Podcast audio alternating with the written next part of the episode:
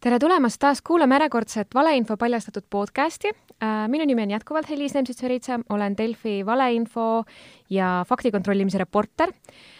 tänane saade on natukene teistmoodi, me räägime võib-olla vähem vandenõudest ja vähem äh, interneti pimedatest nurgastest kui muidu. Äh, sel korral me räägime päevakajalisel teemal, me räägime USA presidendivalimistest, millel siis täna ongi see viimane tipp, millega siis saab pikk kampaaniaaeg otsa, täna on siis valimised. minuga on stuudios liitunud Eesti Ekspressi ajakirjanik Indrek Lepik tervist! ja Lauri Tankler, USA poliitikavaatleja, endine korrespondent sealkandis ning täna siis Riia küber Äh, turvalisuse analüütik. nii on jah, tere minu poolt ka. Äh, nad on täna ka minuga liitunud, et pisut analüüsida seda kampaania tegemist äh, sotsiaalmeedias ja sotsiaalmeedia võrgustikes. aga enne ma tegelikult just küsisin, aga ma küsin uuesti, mis mulje teile üldse sellest kampaaniast jäänud on?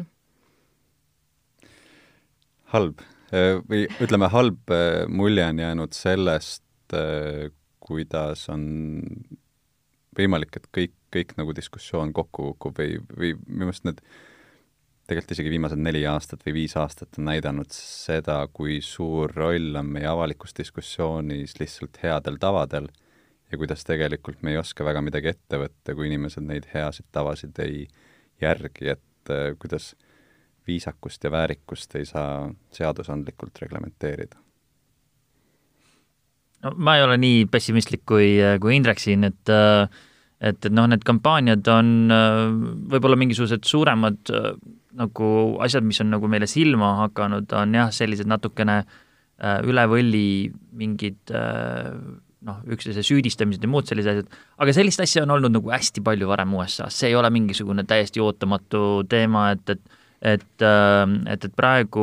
on, on, on see rohkem nagu see küsimus, et, et et kas nendele inimestele, kes reaalselt valima lähevad ja kelle häältest nagu sõltub järgmise, järgmine USA president ja senaatorid ja esindajate koda ja nii edasi, et, et mis neile korda läheb? kas neile läheb korda siis üldine kultuur või kultuuritus, poliitiline kultuur või kultuuritus, kas neile läheb korda noh, varasematel aastatel või valimistel on hästi palju olnud niisugune küsimus, et kas neile läheb korda terrorism või nagu see üleüldine õhkkond, et, et näed, meil on Ameerikas siin parasjagu äh, kõiksugu nii-öelda hirm, kõik äh, on, on, on mures.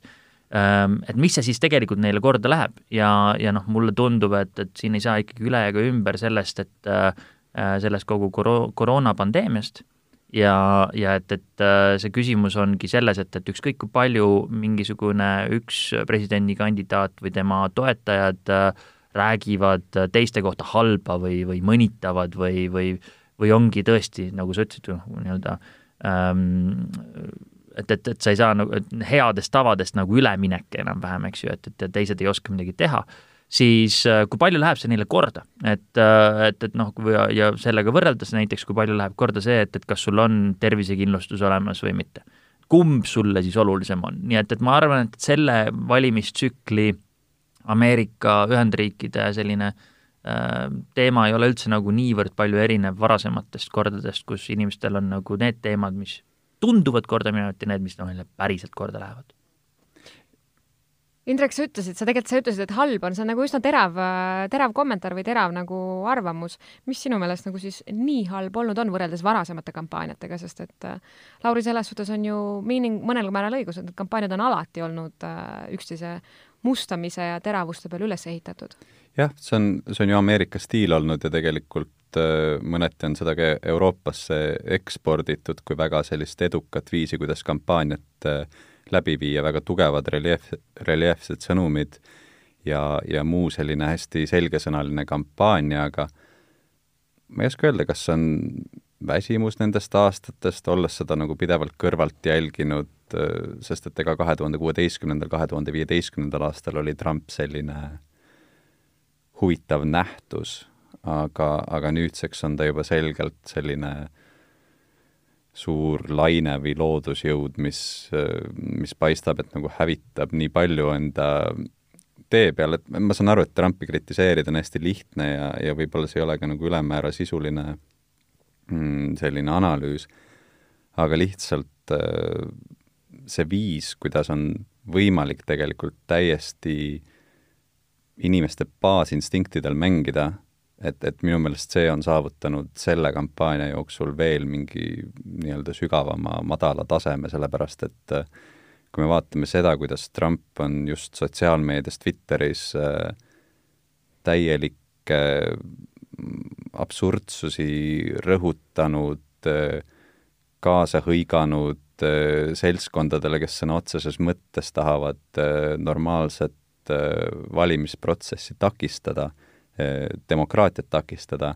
et eh, et mingist, mingist hetkest on see ikkagi nagu täitsa, täitsa häiriv ja ma tõesti räägin seda olukorras, kus ma olen püüdnud nagu aastaid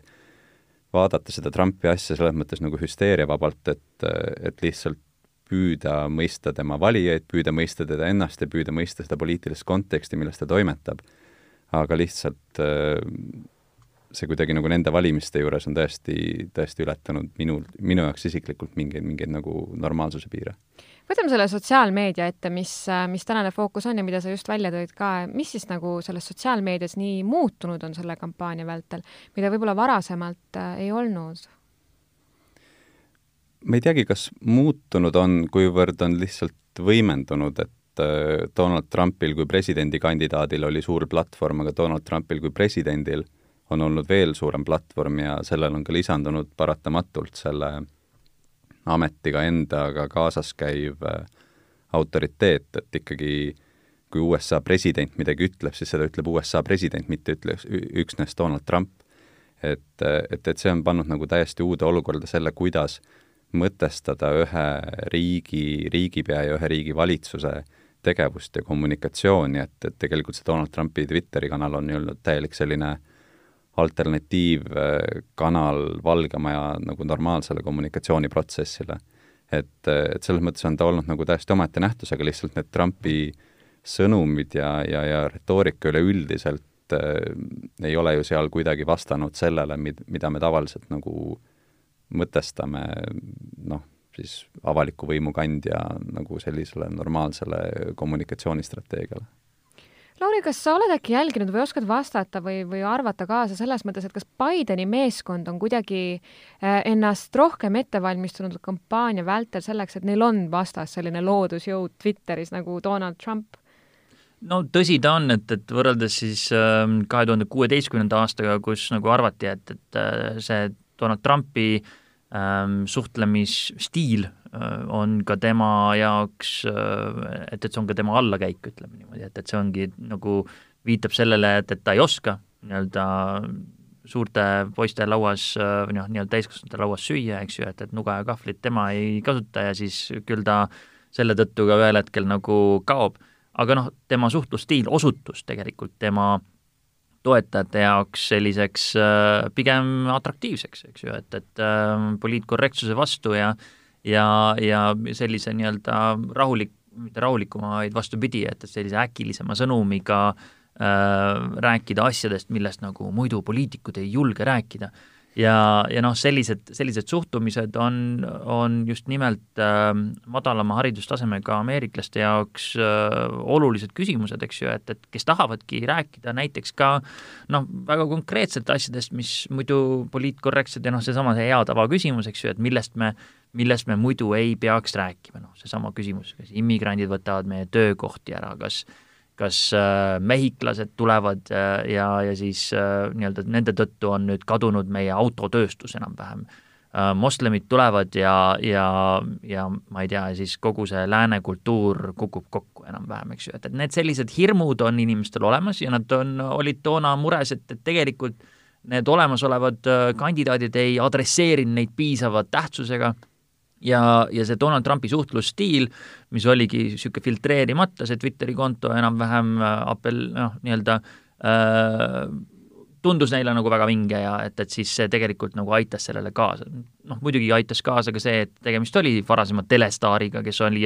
harjunud olema tähelepanu keskpunktis ja ei, ei pidanud olema poliitkorrektne ja noh, tundus, et seda oli tema nagu äh, tema äh, tugevus toona. seekord kahtlemata on, on siis äh,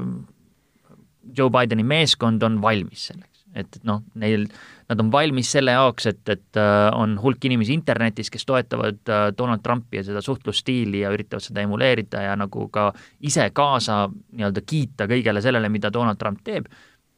et, et, et siis, siis on see küsimus, eks ju, et, et kuidas mitte kukkuda samasse nii-öelda samale tasandile ja hakata samal, samas stiilis vastu vaidlema. ja mulle tundub, et see ettevalmistus või see, see nagu äh, kaasamõtlemine sellega on, on olnud neile kasulik, sellepärast et äh, Joe Bideni ja tema toetajate, tema toetajate äh, nagu suhtlemisstiil no ei ole sama tasand. noh, nad, nad ei olegi läinud sinna, et, et hakata kaklema. et nad on otsustanud äh, nii-öelda loobuda, aga seda üritas ka Hillary Clinton neli aastat tagasi ja tema toetajad neli aastat tagasi, neil oli isegi mingisugune lööklause, et when they go low, we go high ja mingid sellised nagu mõtteviisid enam-vähem.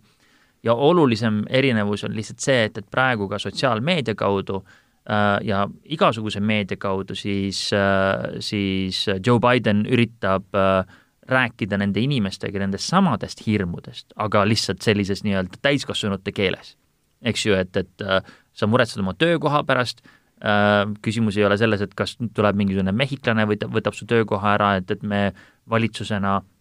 saame aidata näiteks. sa muretsed oma kooli ja hariduse pärast, eks ju, äh, me saame suunata raha mingisugust kuskile sinna värki. Need olid need küsimused, millele Clinton toona teatud piirkondades ei suutnudki vastata või, või tema, tema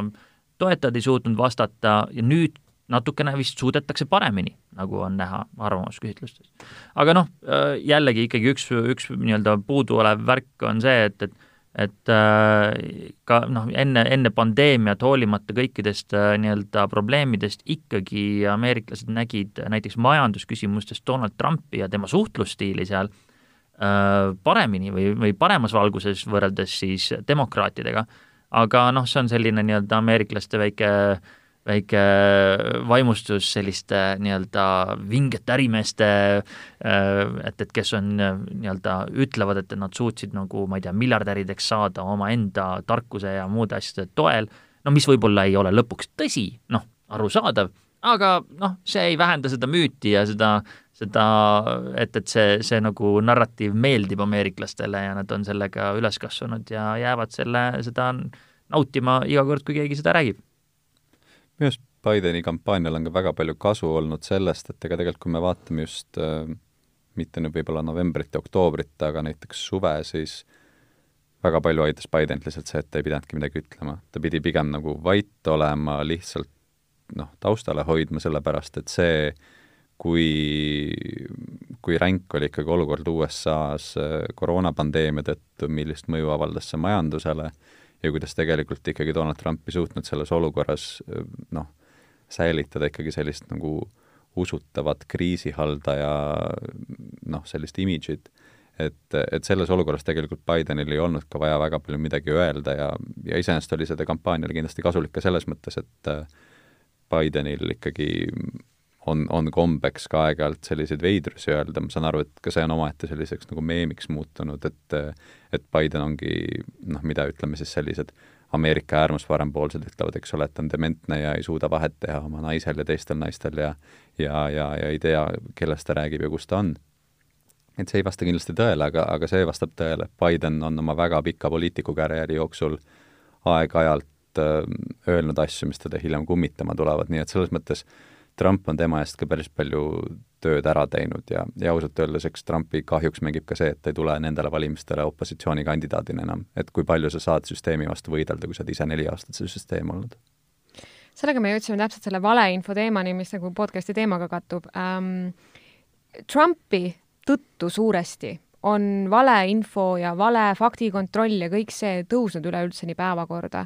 äh, kuna ta nii karistamatult on sealt pukis neli aastat ja enne seda ka enda esimese kampaania ajal saanud valesid levitada ning täiesti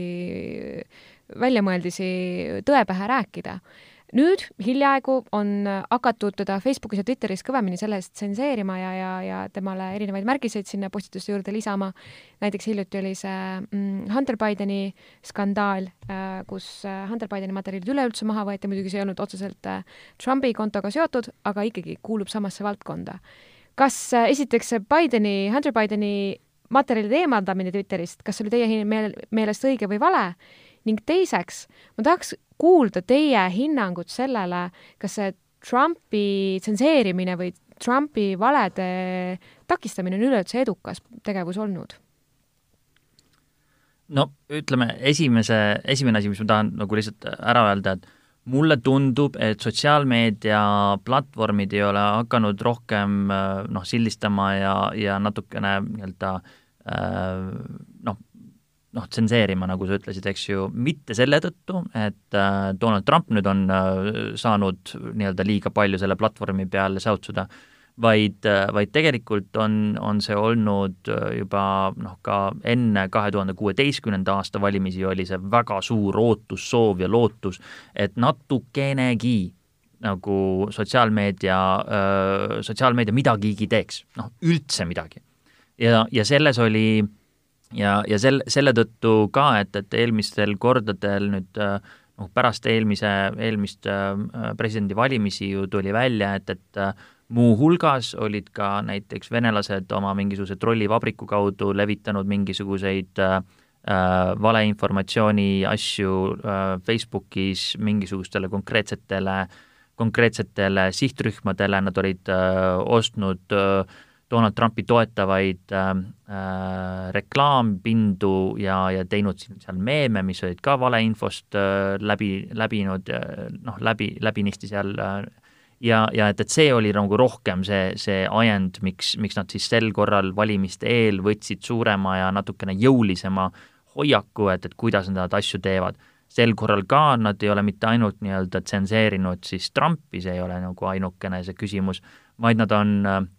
nii Facebook kui Instagram, noh, nad on üks sama, eks ju, aga ka Twitter ja, ja, ja vist on mingisugused äh, tegelased veel, Snapchat on ka eemaldanud terveid mingisuguseid kontosid ja võrgustikke, mis on siis nende äh, hinnangul olnud äh,, näidanud siis kuidas see inglise keeles oli, inauthentic behavior, mis iganes selle asja eestikeelne nimetus võiks olla, eks ju, et, et kui sa ei, ei vasta sellele nii-öelda äh, sotsiaalmeedia platvormi reeglitele ja, ja püüad näidata ennast kellegi teisena. nii et, et see on nagu natukene teistsugune äh, ajend, et see, et, et president Trumpi väga pikalt ei äh,, ei tsenseeritud, ei viidatud nendele valedele seal, see oli ka juba, juba nagu hästi pikalt oli selline problemaatiline äh, poliiti-, poliitikutele ja ja ajakirjanikele, kes siis üritavad äh, äh, eriti ajakirjanikele, kes üritavad siis nagu nii-öelda korrektset infot igalt poolt nagu nii-öelda välja ähm,, välja saata ja siis, siis tuleb Donald Trump oma kaheksakümne miljoni või palju tal neid äh, Twitteri jälgijaid on, kellest noh, pooled on nii-öelda teevad seda selle tõttu, et neile meeldib Donald Trumpi, pooled jälgivad teda selle tõttu, et neile ei meeldi Donald Trump, ja, ja siis tema lihtsalt plärtsatab mingisuguse asja välja, et, et mis, mis ei vasta tõele või, või mida annab siis nagu nii-öelda, nagu sina ju teed, eks ju, faktikontrollid, muud sellised asjad. et äh, see, äh, see, see areng kestab edasi ka pärast seda, äh, seda konkreetset presidendivalimist ja ja Facebook ja Twitter ja kõik need teised hakkavad järjest rohkem pöörama tähelepanu sellele, et nad on ühel hetkel vastutavad mingisuguste asjade ees Äh, ja et, et äh, kui nad nende kaudu levitatud valeinfo tõttu äh, võib-olla saavad inimesed surma, kes nii-öelda ei vaktsineeri või, või saavad inimesed surma, kes lähevad kuskile koroona, koroona keskele ja, ja et, et teades, et, et see ju neid ei puuduta enam-vähem.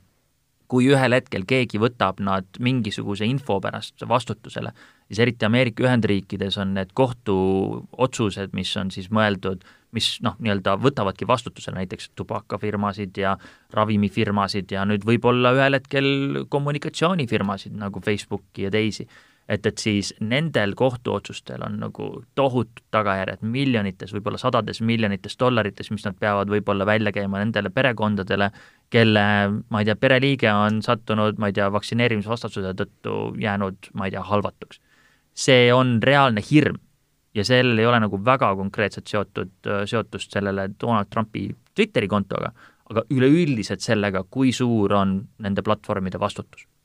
jah, ja siin on ju küsimus olnud ikkagi selles ka, et Facebook ja Twitter on väga pikalt äh, opere-, opereerinud selles mõttes sellises nagu hallis alas, et äh,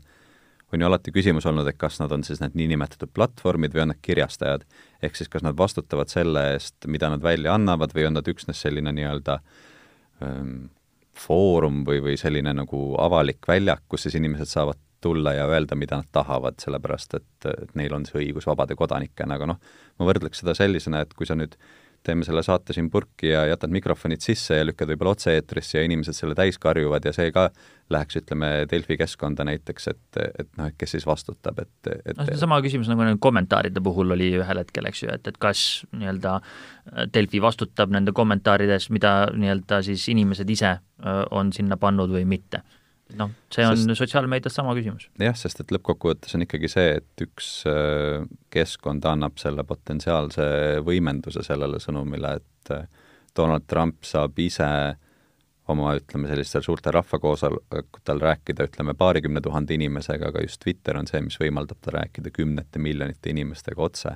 ehk siis need platvormid ongi ise aru saanud, et kui nad ei enneta, siis varem või hiljem kuskilt tuleb see malakas neile peale ja see võib olla palju suuremate tagajärgedega. Ja kui tõesti näiteks seadusandlikult neid käsitletaks kirjastajatena,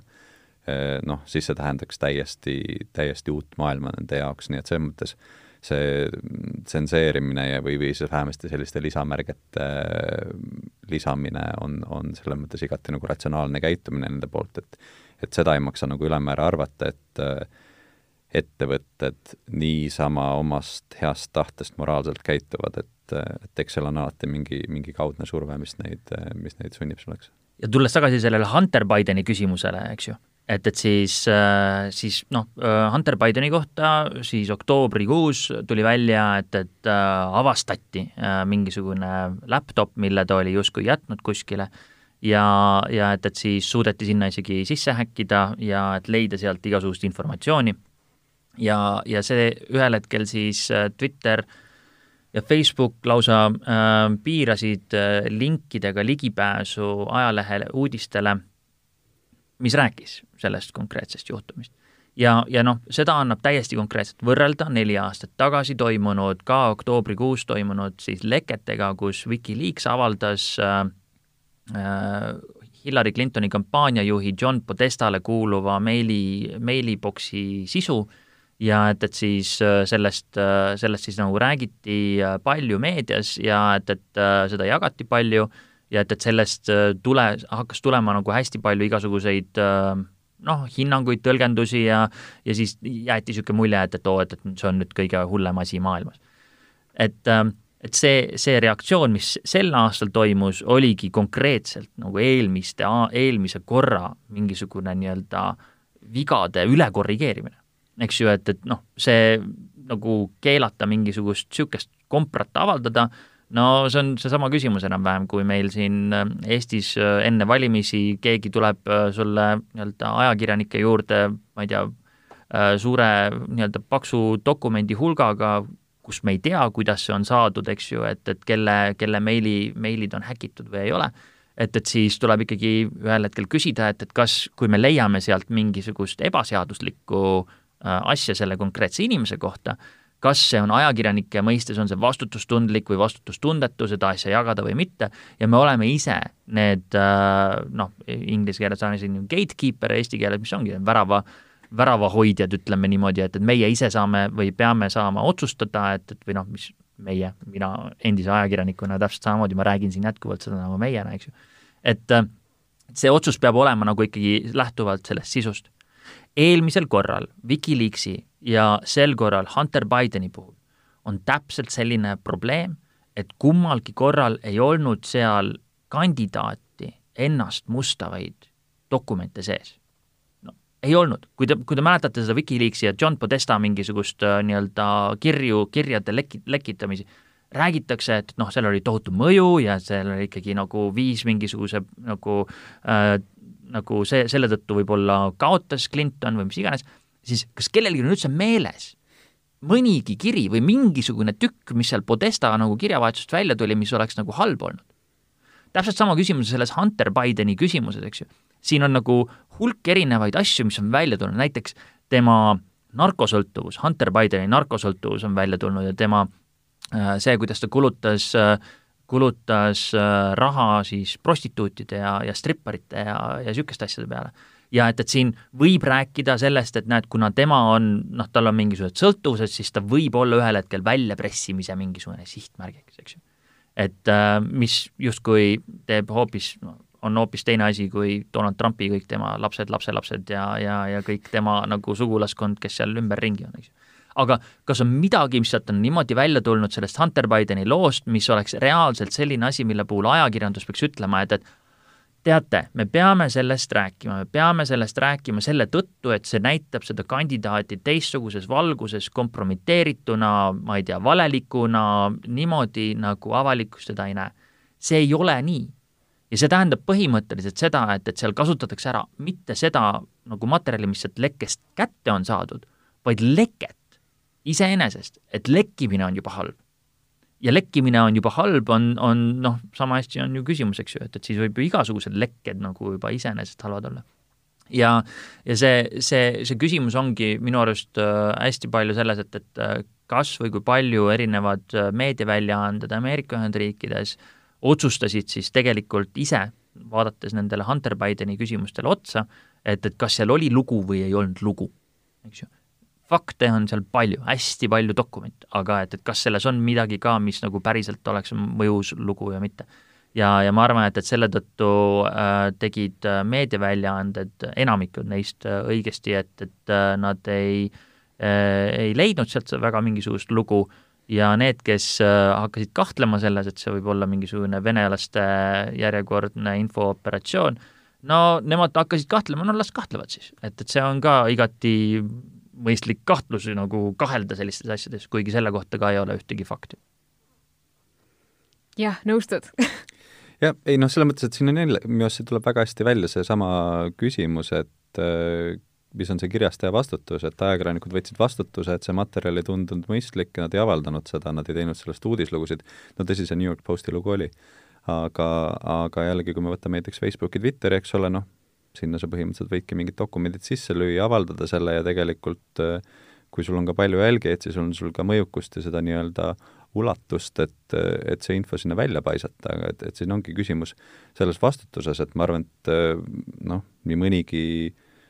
ka heatahtlik kuulaja vahepeal mõtleb, et äh, ega need ajakirjanikud panevad ju ka igast asju üles ja neil on täiesti suva, et klikid ja tellimused ja kõik muu, aga tegelikult selliseid asju kaalutakse väga sügavalt läbi ja mida suurema kaaluga need on, eriti olukorras, kus valimised on täiesti ukse taga,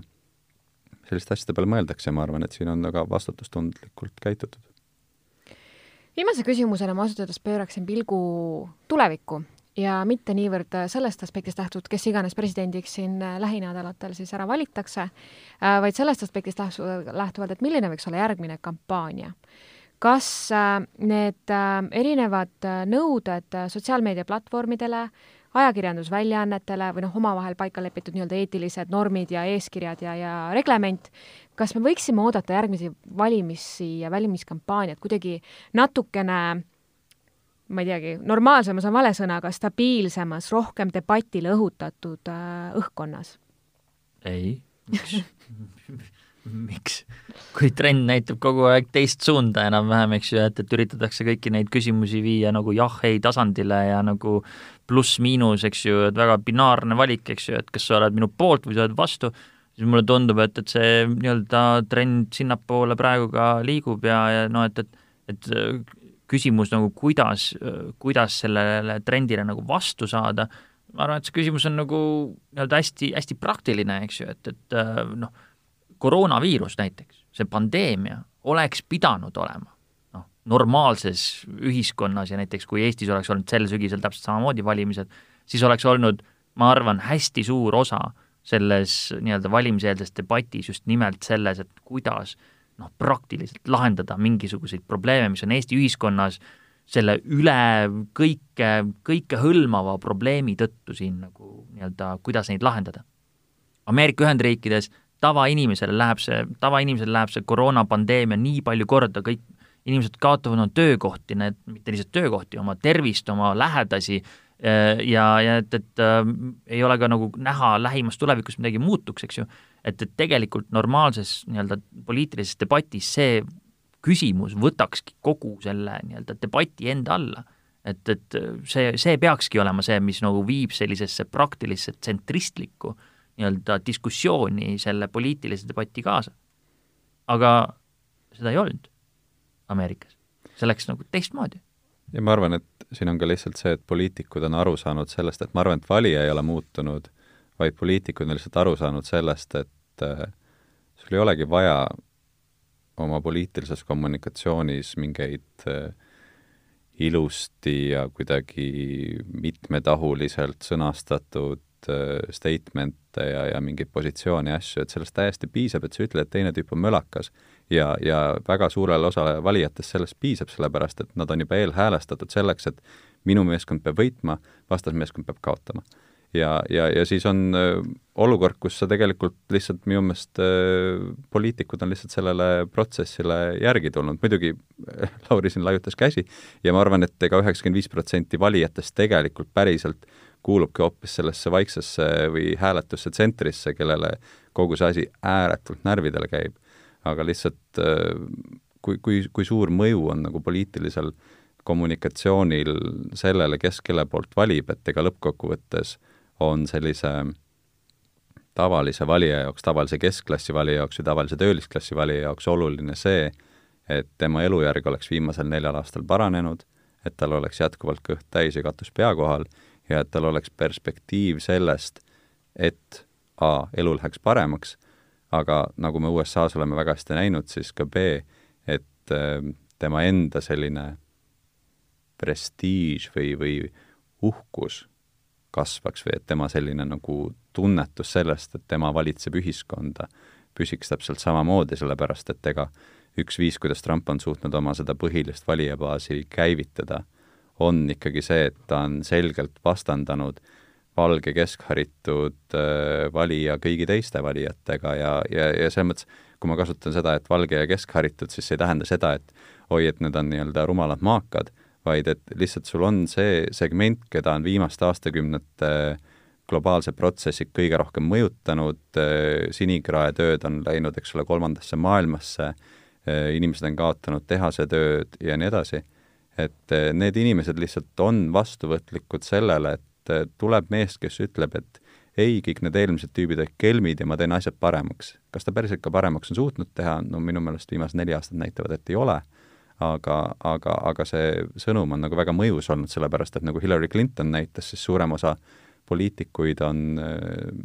suhtunud suhteliselt ükskõikselt nendesse. nii-öelda veel enne, kui nii-öelda kokku panna see, ma lihtsalt tahaks nagu mitte nõustuda teatud osaga sellest sinu, sinu analüüsist puhtalt selle tõttu, et et kui Hillary Clinton kaotas Donald Trumpi vastu, siis oli esimene nii-öelda hinnang äh, just ka, ka nagu vasakpoolsemate ja demokraatide poolt oli see, et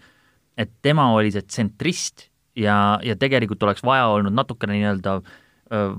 vasakule poole natukene populistlikuma sõnumiga tegelast, võib-olla mingit Bernie Sandersit, kes oleks nagu, kes oleks, kes oleks võtnud hoopis nagu jõulisemad seisukohad äh, nagu teises suunas. ja, ja need valimised, mis siis täna, täna toimuvad, see on siis tegelikult äh, see on, see on mingil määral ikkagi ähm, hinnang sellele, kas tsentristliku vaadetega, tsentristlike vaadetega poliitik, kes on viisakas, kes on nii-öelda öö, oskab sõnastada oma poliitikaid ja, ja umbes niimoodi, kas tema suudab tegelikult ka võita? Ehk siis või siis nii-öelda tuleb ikkagi lüüa käega, tuleb võtta mingisugune äkki parem, tähendab vasakul pool täpselt samamoodi, mingisugune räuskav vasakpool nagu mingisugune keegi, kes äh, ütleb, et, et ma olen mitte lihtsalt sotsialist, ma olen lausa kommunist, eks ju, et, et et äh, paneme, ma ei tea, rikkad ahju ja, ja mis iganes need sellised äh,, sellised suhtumised võiksid olla seal nagu teisel pool, eks ju. et äh,, et, et kas oleks vaja nagu midagi sellist äärmust, sest praegu on demokraatide erakond panustanud hästi palju aega, raha, nii-öelda ressurssi sellele, et viisakas, valge eakas meesterahvas, kes on nii-öelda, nii-öelda normaalse diktsiooniga ja, ja suudab noh, tõesti nii-öelda täiskasvanute lauas süüa jällegi, nagu ma tõin selle alguses ka selle näite, et tema on, on palju vastuvõtlikum kõikidele nendele valijatele kui, kui inimene, kes, kes suhtleb nii, nagu Twitteri kontol Donald Trump suhtleb, eks ju. ja, ja me näeme seda tulemust äh, tõenäoliselt homme või ülehomme või no lähinädalate jooksul, eks ju, et, et kas see, need, ähm, kas need arvamusküsitlused peavad paika, et äh, konstantselt suutis Joe Biden olla nagu palju suurema äh, hulga ameeriklaste jaoks see inimene, keda nemad näevad enda esindajana. nii et, et selles mõttes see äärmuslik lähenemine ei pruugi ikkagi pärast neid valimisi näidata, et, et äh, see oli see tulemus, mida ameeriklased päris tahtsid. nojah, ja ma ütlen lihtsalt seda, et ega sa ei jaksa igavesti sõjaseisukorras olla, et inimesed väsivad sellest, et alguses ütleme, poliitikakauge inimene võis ka mõelda, et see, mida Trump teeb, on pull, niisuguse ütleme, nihilistlikuma suhtumisega maailmasse ja poliitikasse võikski mõelda, et noh, et saab tsirkust, aga, aga lõpuks on, on selge, et sellel on ka päris maailma tagajärjed. ma tahaks veel ühe asja kiiresti öelda ka, et et tegelikult kui lihtsad on ka tekkima sellised suured narratiivid, et kui me mõtleme selle peale, kuidas Trump võitis eh, kahe tuhande kuueteistkümnendal aastal, siis kergelt lihtsustades võib öelda, et ta võitis seitsmekümne seitsme tuhande häälega. ta sai endale Michigani, Pennsylvania ja Wisconsini. ja kui oleks Hillary Clinton võitnud, siis me räägiksime sellest, eks ole, et esimene naispresident kõik muud sellised progressiivsed ideed, mis justkui tõusevad esile, eks ole, meil oli must president, nüüd on valge pre-, naispresident, et, et, et, et noh, just selline nagu nii-öelda tõeline progressi edukäik, eks ole, et, et, et, et noh, et võib-olla vahel ongi elus asjad ka nagu juhuslikud ja see pendel võib käia ühest äärmusest teise. Aitäh teile tulemast, minul oli igal juhul väga põnev teid kuulata, ise natuke vähem midagi arvata äh,. Lauri, aitäh! Indrekut saab homme kuulata ka varahommikul kell seitse algavas Delfi siis USA presidendivalimiste otsestuudios, kus tehakse esimesi kokkuvõtteid. Äh, seal ka vist Indrek miskit arvab äh, valimiste käigu kohta ja mind saab kuulata järgmises Valeinfo paljastatud podcastis. Thank you.